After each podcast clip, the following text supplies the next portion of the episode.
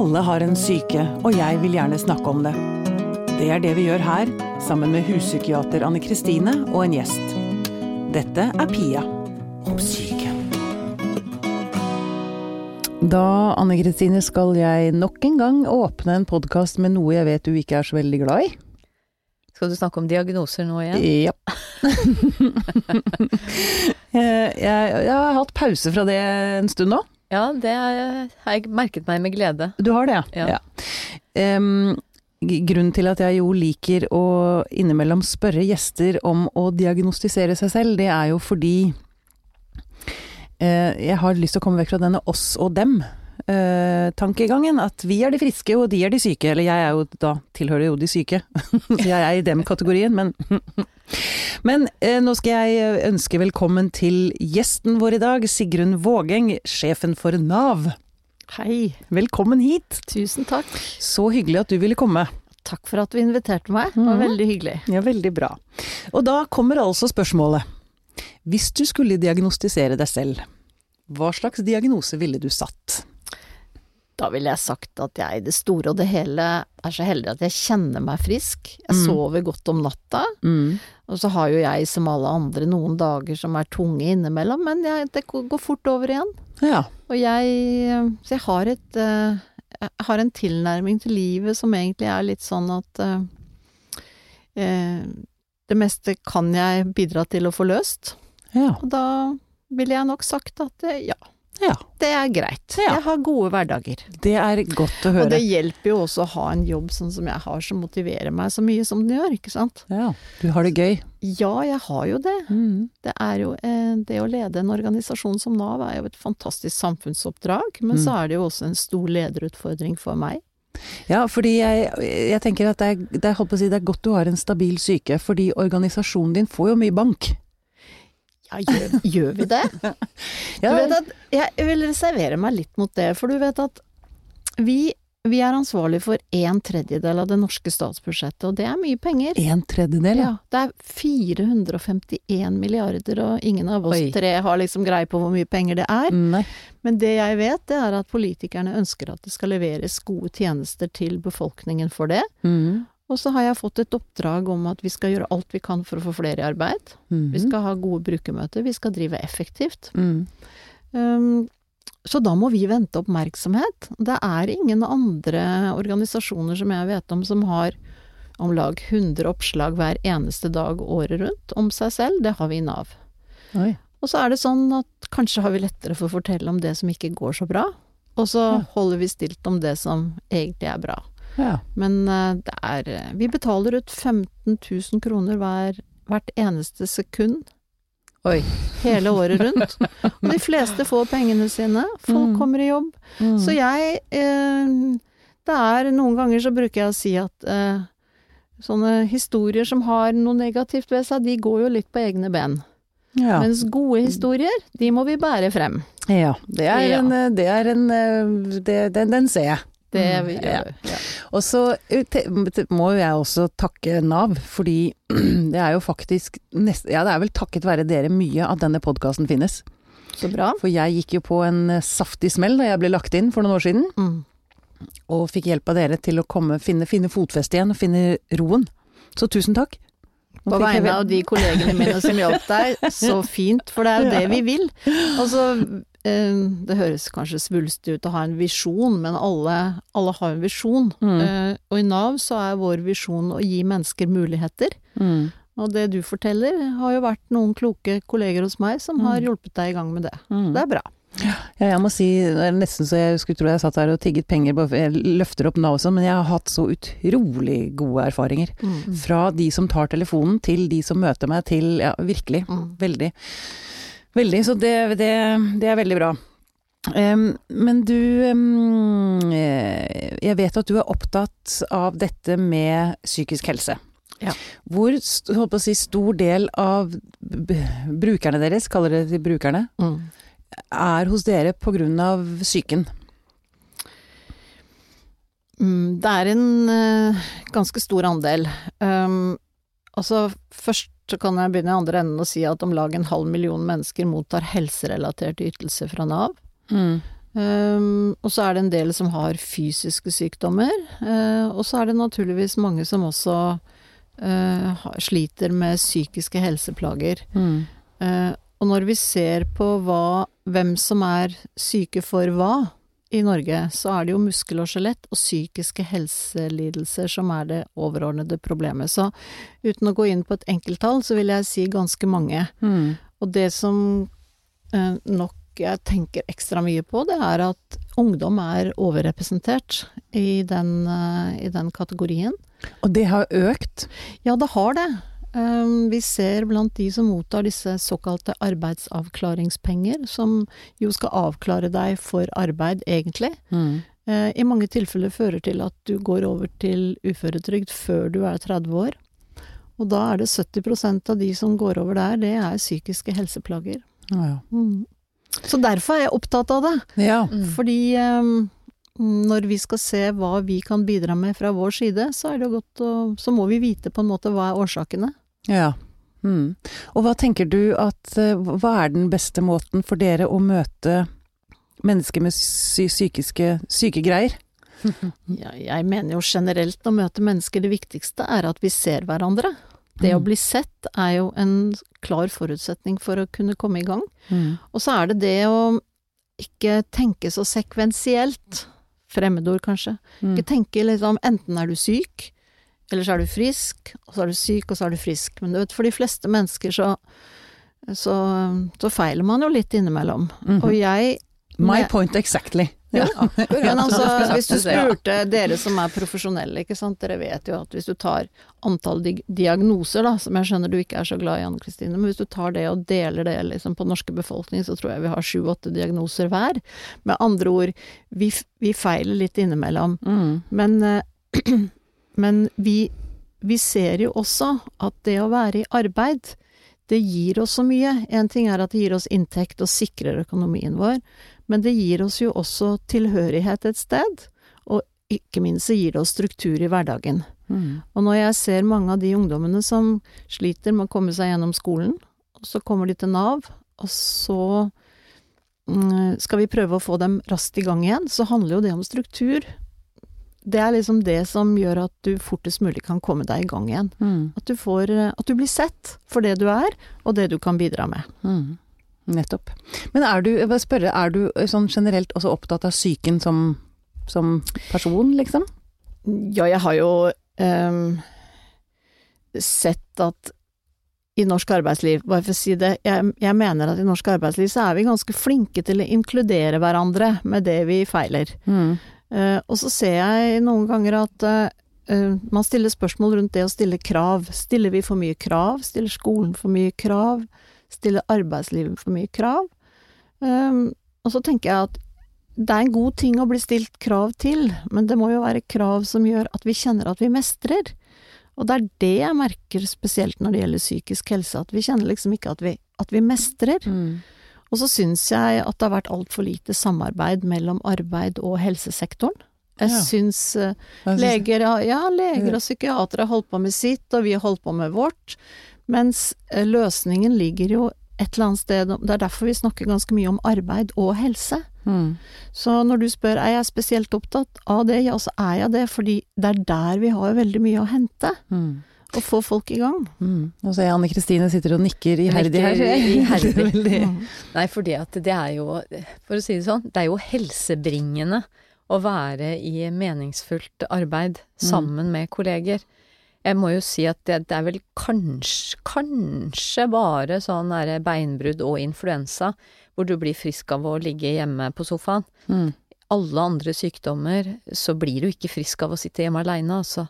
Sånn at det å være i et eh, arbeidsmiljø hvor du har kolleger du trives sammen med, hvor du har en leder som bryr seg og som kan være med på å legge til rette, det er jo Altså, det er helsebringende Mm. når man får til det. Mm. Men jeg, har lyst til å spørre dere om Uh, jeg håper å si Innimellom så får jeg litt sånn inntrykk av fra samfunnet at, du, at mennesker liksom er skapt for å bidra mest mulig til BNP. jo, men du skjønner hva jeg mener. At du skal liksom eh, Du skal jo fortest mulig tilbake og eh, yte din skjerv, liksom.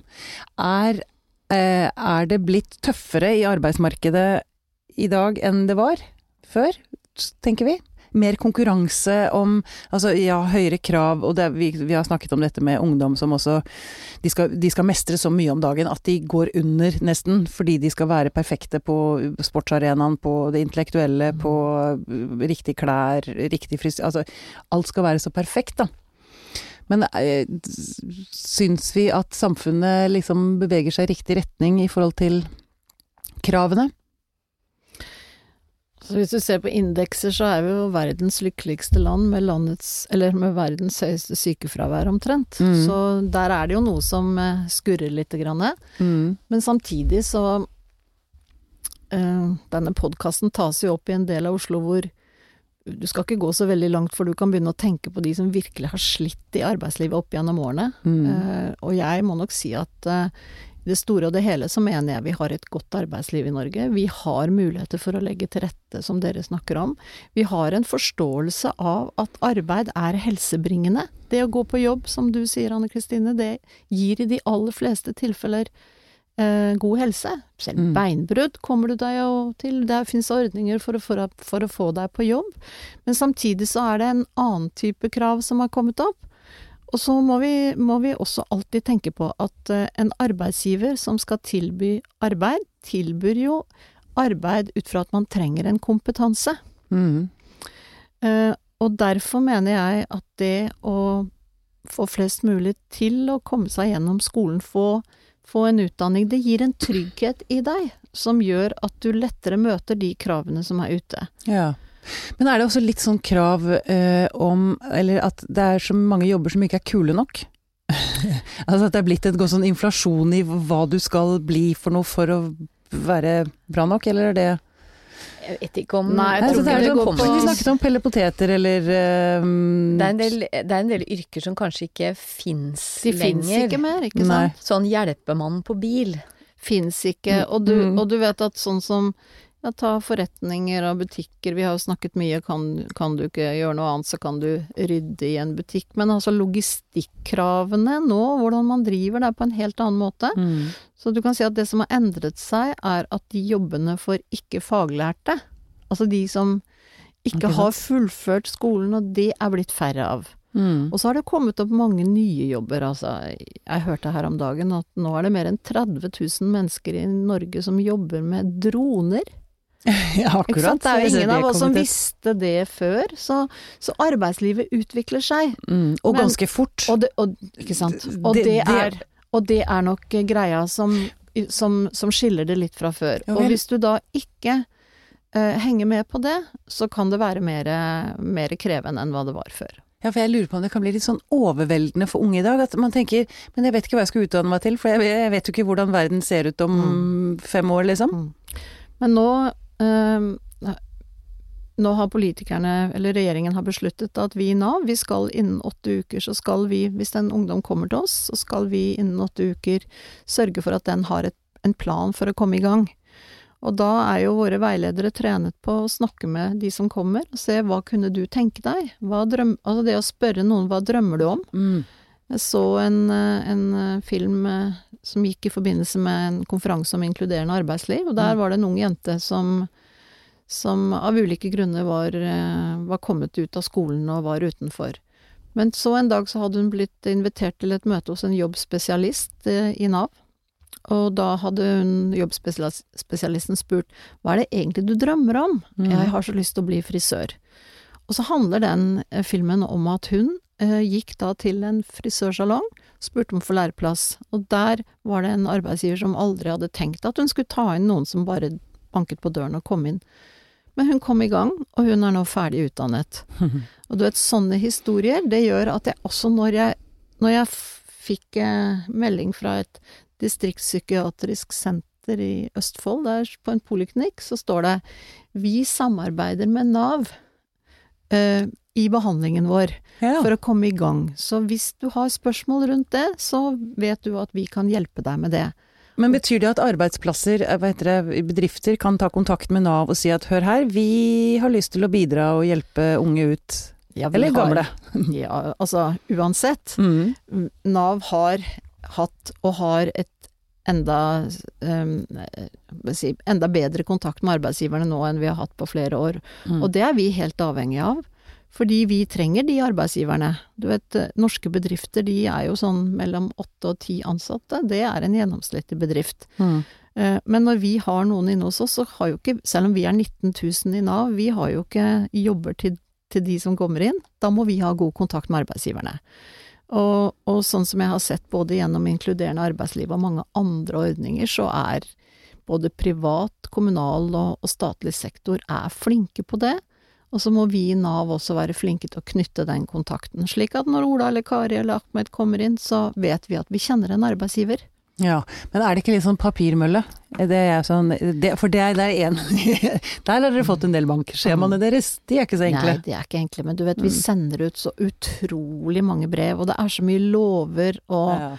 vi, vi skal eh, Ikke sant, vi kan ikke bare skrive 'kjære Pia, du får eller du får ikke', og så Det er mange sånne formelle krav. Mm. Uh, Og så forsøker vi å jobbe på en sånn måte at vi uh, At vi uh, At vi, at vi snakker slik at folk skjønner hva vi snakker om. Mm. Og det er ganske viktig i alt det vi driver med. Ja. Men det sier seg selv, vi har et stykke vei å gå. Men derfor så prøver vi også å ha personlig kontakt med så mange som mulig av de 2,8 millioner menneskene som til enhver tid er i kontakt med Nav i løpet av et år. Mm. Jeg har bare lyst til å si noe som, som jeg opplever har vært positivt liksom i ja, hele det norske samfunnet, og selvfølgelig Nav er med på det. Det er at fra å la syke mennesker, eller mennesker med ulike utfordringer, da, øve seg på å jobbe, så har man nå blitt mye bedre på å gi folk en jobb, og så heller støtte underveis. Ja. Fordi at eh, jobb er så sterkt knytta til det med identitet. Mm. Sånn at hvis du spør noen, ikke sant, hva, hva driver du Mm. med da? Så, så er det mye verre for folk å si nei, jeg øver meg litt på å komme ut i jobb. Mm. Altså, det er ikke så stas. Men, men det å si at jo, jeg jobber der, Mm. og så har man da en identitet som arbeidstaker, og så kan man da få større eller mindre grad av støtte og tilrettelegging i den jobben. Det, det jobber vi masse med å få Mm. til, men da er vi også avhengig av å ha en god kontakt med helsevesenet Ja. for å få til det, og, og at eh, bedriftene som, eh, som ansetter, at de kjenner også at de har en støttefunksjon rundt hvis man trenger å tilrettelegge, som du sier. Men jeg vet ikke om så veldig mange andre arbeidsliv enn det norske som er så flinke egentlig, hvis vi klarer å benytte de mulighetene vi har. Ja. Og ikke bare tenker sånn bås, tenker nå er du syk og nå er du frisk, men at vi tenker at arbeid er som du sier, det er helsebringende. Det gir struktur i hverdagen, Mm. og identitet er også mye knyttet opp til jobb for oss. Mm. Så det å si at du har en jobb å gå til, er, eh, Det er en er viktig ting for de aller fleste. Ikke sant. Mm. Um, jeg vet dere eh, har, har jobbspesialister. Ja. Kan ikke du si litt om hvordan dere jobber med det? Em, hvordan jobbspesialistene Altså gi mennesker mulighet til å jobbe redusert og Ja, det viktigste er jo akkurat det at man kan komme seg i gang. Mm. Har et nært samarbeid mellom helse og arbeid. Og det har jo vært eh, gode eksempler fremme i media også på at eh, når man, som du sier Anne Kristine, kommer seg inn i jobb, viser hva man kan, så er det en del ting etter hvert som blir enklere. Eh, og de jobbspesialistene, de skal jo da følge deg. Ikke sant? Og det er en trygghet, en trygghet for deg, men det er også en trygghet for, eh, for arbeidsgiveren. At Mm. man har den støtten. Mm. Og det er mange forskjellige innganger til å jobbe på den måten, og vi ser vi har prøvd ut ulike forsøk i Nav. Men alle handler om det samme. Arbeid, at arbeid er helsebringende, Mm. og at det å komme i gang, det, det gir deg den strukturen du trenger. Mm. Um, det er jo en del stigma knyttet til det å være naver.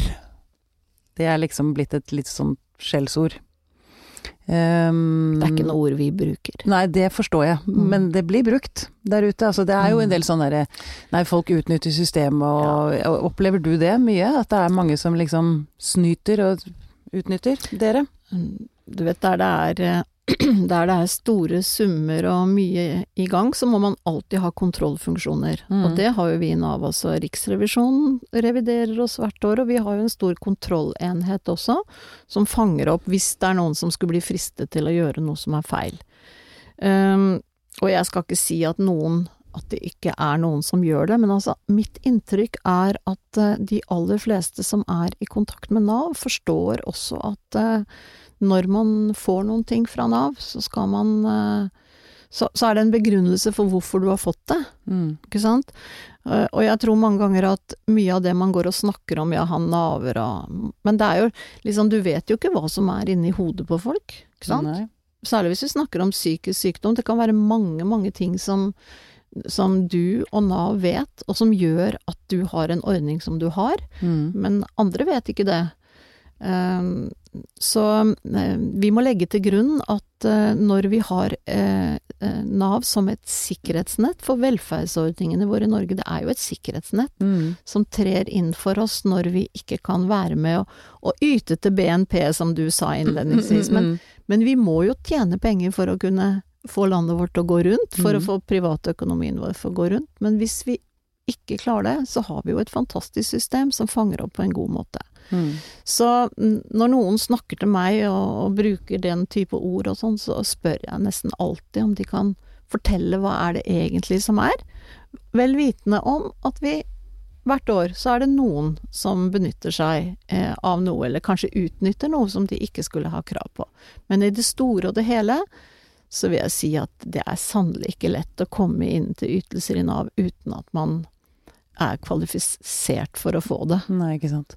Og det finnes jo folk i alle leirer som utnytter. Altså rike finansmeglere utnytter vel også systemet i, noen, noen, ganger. Ja, og det tenker jeg det er en pris som vi bare tenker at det må vi bare ta opp og kjøpe. Skal vi ja. ha et velferdssamfunn, så vil det alltid være noen få som prøver å som, utnytte, ja. men det er ikke majoriteten. Du vet, hele vårt Altså veldig mye av vårt samfunn er jo basert på tillit. Ja. Mm. Og det syns jeg er en verdi som er vel verdt å ta vare på. Så må vi ikke være naive. Vi må legge til rette for at, eh, at eh, vi bruker det sikkerhetsnettet på en god måte. Derfor syns jeg det er fint at ungdom som kommer til Nav, at eh, når de i en periode trenger ytelser fra Nav, at de også kan være med å gjøre noe for de pengene. Mm. For det igjen, det er, det er strukturen i hverdagen din å ha tilhørighet til noe. Mm. Jeg har bare lyst til å komme med et eksempel på hvordan Det opplevde jeg for noen år siden eh, der som jeg jobba da, hvor, hvor godt det var også å kunne drøfte med Nav om hvor går grensa for tilrettelegging. Mm. Fordi at eh, det var jo noen som da på en måte ikke kunne gjøre noen ting til slutt. Og da blir det veldig vanskelig som arbeidsgiver, hva i all verden skal jeg gjøre nå? Ja, de kunne ikke gjøre noen ting fordi Nei, ikke i den, ikke i, altså ikke i den jobben. Eller mm. de jobbene som vi hadde å tilby. Så det var liksom ingen oppgaver som var mulig å gjøre. Og det å da også kunne ha en dialog om at ja, men et eller annet sted så stopper også arbeidsgivers ansvar for folks liv. Så kanskje det akkurat i den situasjonen var bedre å jeg kan si friskmelde til eh, arbeidsformidling. Og at eh, det ikke var, skulle være arbeidsgivers ansvar til evig tid mm. å liksom finne på jobber. For det, det er jo noe med det at når man går på jobb, så skal man jo gjøre en jobb. Ja. Eh, og det er jo blitt ganske strenge krav til arbeidsgivere om at du nærmest skal gi folk et lykkelig liv. Mm. Så det, å, det der å finne den balansen Altså jeg tenker vi trenger også Altså, arbeidslivet trenger hjelp til å måtte bli veileda på hvor, hvor går grensene mm. mellom hva arbeidsgiver skal tilrettelegge, og når blir det parodisk? ja, for jeg tenker du sa i sted, Sigrun, at vi, ja, vi har et veldig bra sikkerhetsnett. Mm. Men det kan hende at det blir litt sånn sovepute også. Ja, og det må vi passe på. Da mener jeg at vi ikke bruker det på rett måte. Mm. For uh, jeg har jo jobbet for privat sektor selv i mange år, og jeg har jo sett mange av disse flotte bedriftslederne, de, de starter opp en, en, bedrift for å ha et innkom for seg selv og for noen, men de lever jo i en tøff hverdag, ikke sant? Produkter skal selges og mm. tjenester skal leveres, så vi må liksom ikke narre oss selv og si at ikke det er grunnpilaren i norsk næringsliv, og det er jo å levere tjenester i kommunal sektor, ikke sant. Sykehjemmet skal gå rundt, det skal leveres, staten alle etatene skal Vi skal levere et stykke arbeid. Men jeg er ikke så redd for det, for jeg, eh, for jeg tror det er et krav som vi alle sammen forstår. Mm. For jeg, jeg kjenner ikke noen, jeg, tror jeg, som syns at det å aldri bidra med noen ting er noe bra. For det å bli en passiv mottaker, det kan vi jo bli dårlig av noen å være. Mm. Men det å være med å bruke de kreftene vi har, og den eh, arbeidskraften vi kjenner vi har i oss, det er viktig. Og derfor så er jo det du sier, Anne Kristine, om at eh, samarbeidet mellom Nav og arbeidsgiverne må da også handle om å avklare hva er det Sigrun kan klare å gjøre, hva er det hun skal levere, og hva er det du trenger. Og, og når vi da har noen som kan følge opp fra Navs side i en periode for å se at det blir sånn, Mm. så er det jo veldig mange som, som eh, er fort i gang.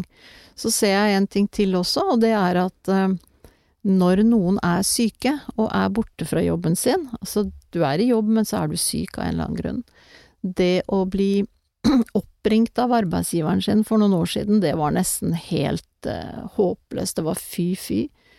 Nå er jo det en helt annen tilnærming til det. Det handler handler jo om omsorg. Det å si er det noe Kan du komme og jobbe? Ja, du har brekt beinet, men kan du komme? Ja, jeg vet du har tunge dager, men kanskje det hjelper deg å komme på jobb? Et par timer?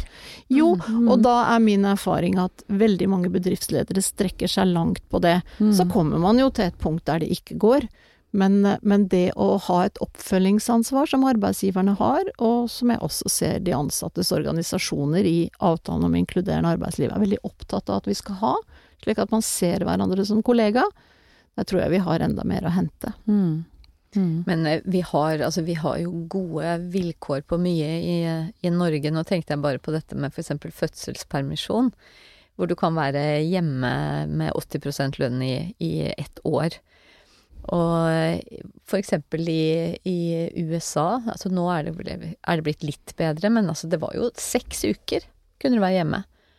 Seks uker når du fikk barn, så kunne du Ja, være hjemme seks uker, og så måtte du tilbake i jobb, og da var det om å gjøre å ikke komme med babygulp på jakkeslaget, og du skulle ikke si at du måtte tidlig hjem eller ta ammefri. Det var liksom hun jeg snakka med, hun sa det var liksom om å gjøre at arbeidsgivere ikke skulle vite at du hadde barn. Nesten en sykdom å ha barn. Ja, nesten en sykdom, fordi at eh, det var Men konkurransen er så sterk, og du kan bli Mm. oppsagt på dagen. Ja, ja. Ikke sant? Ja, ok, hvis ikke du kan være her til klokka sju i kveld, så Mm. finner vi noen som kan. Mm. Mens altså det sterke vernet man har i Norge om eh, rettigheter og Og det er ganske unikt i verden. Mm. Men det er jo Altså, jeg syns jo at på dette feltet her så har det jo vært kloke politikere opp gjennom tidene som har sett at det å legge til rette for at mor også fort kan komme seg bak i arbeid, det er jo god næringspolitikk, ikke Mm. sant. Tenk på kvinnene som har kommet inn i arbeidslivet.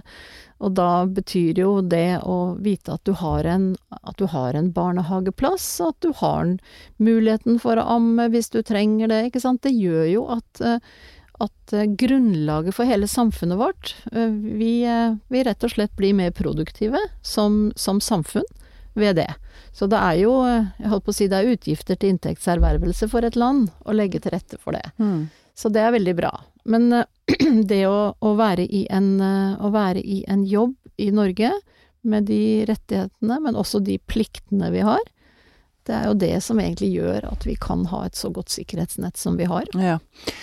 Hvis vi ser fremover. De driver jo Det er jo sånne prognoser som sier at 40-50, opptil 65% av de jobbene som finnes i dag, blir borte i løpet av Altså yrkesgrupper blir borte, rett og slett.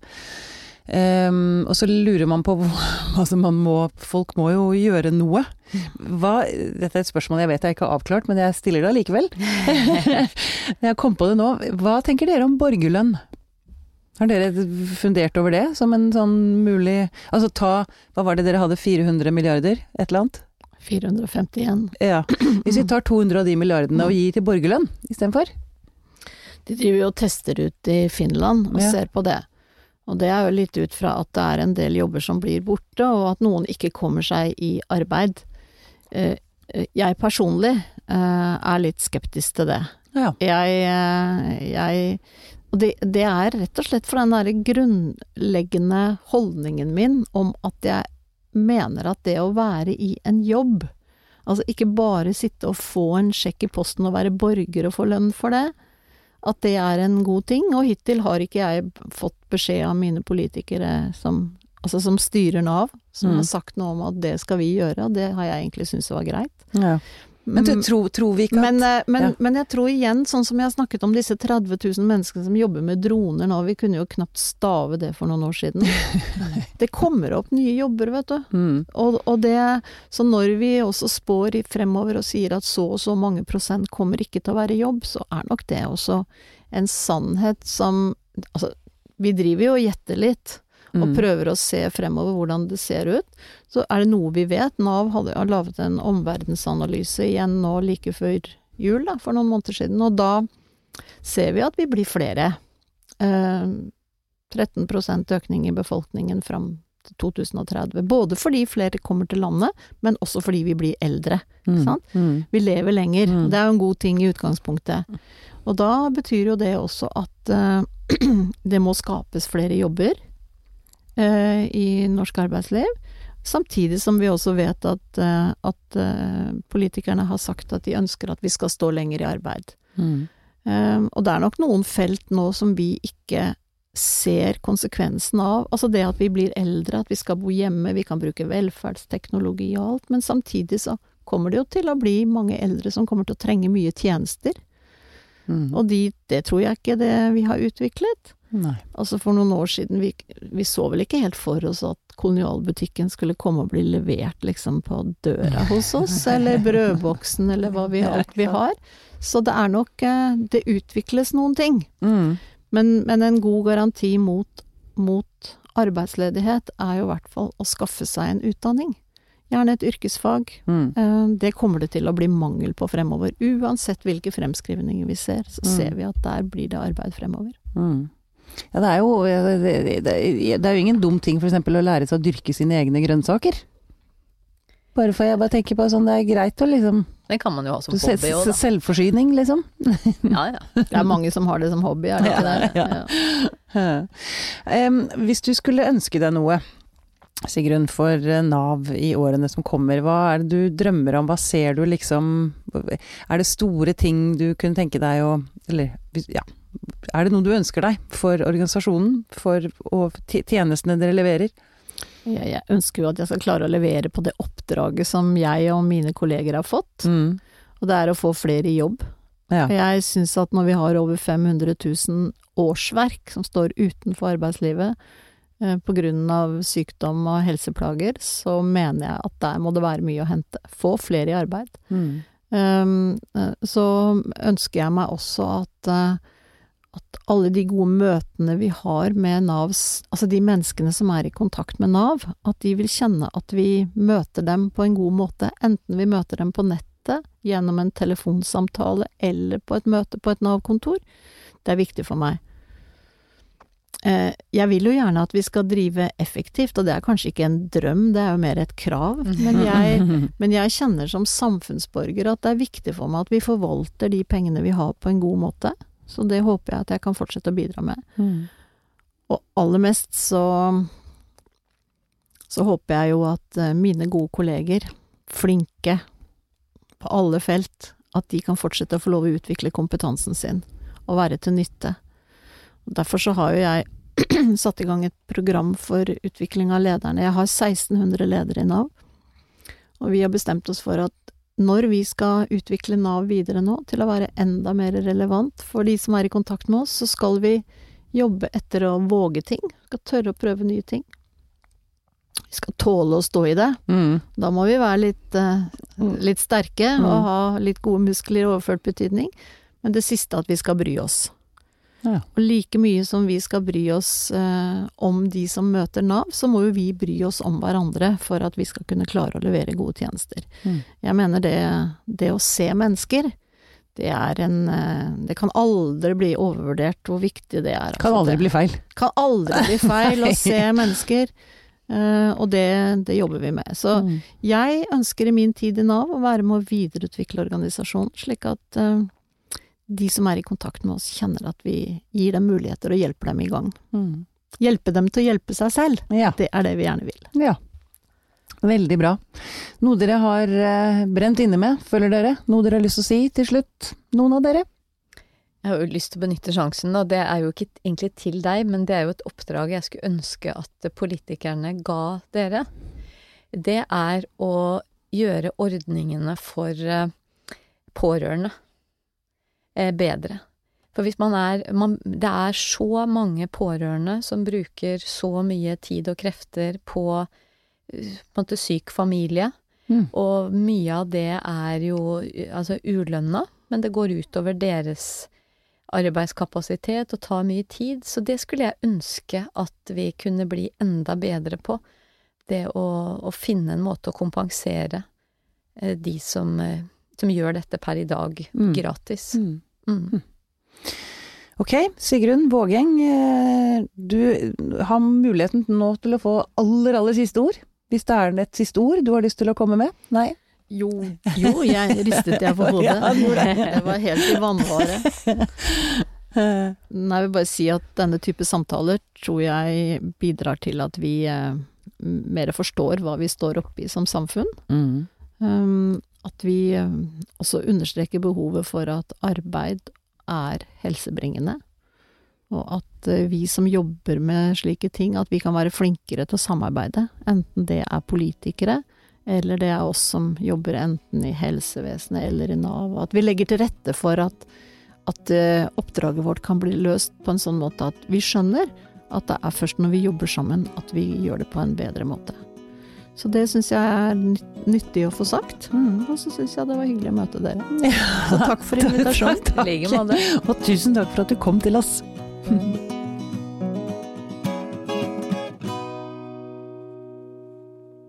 Denne Podkasten er produsert Av Tid og Lyst.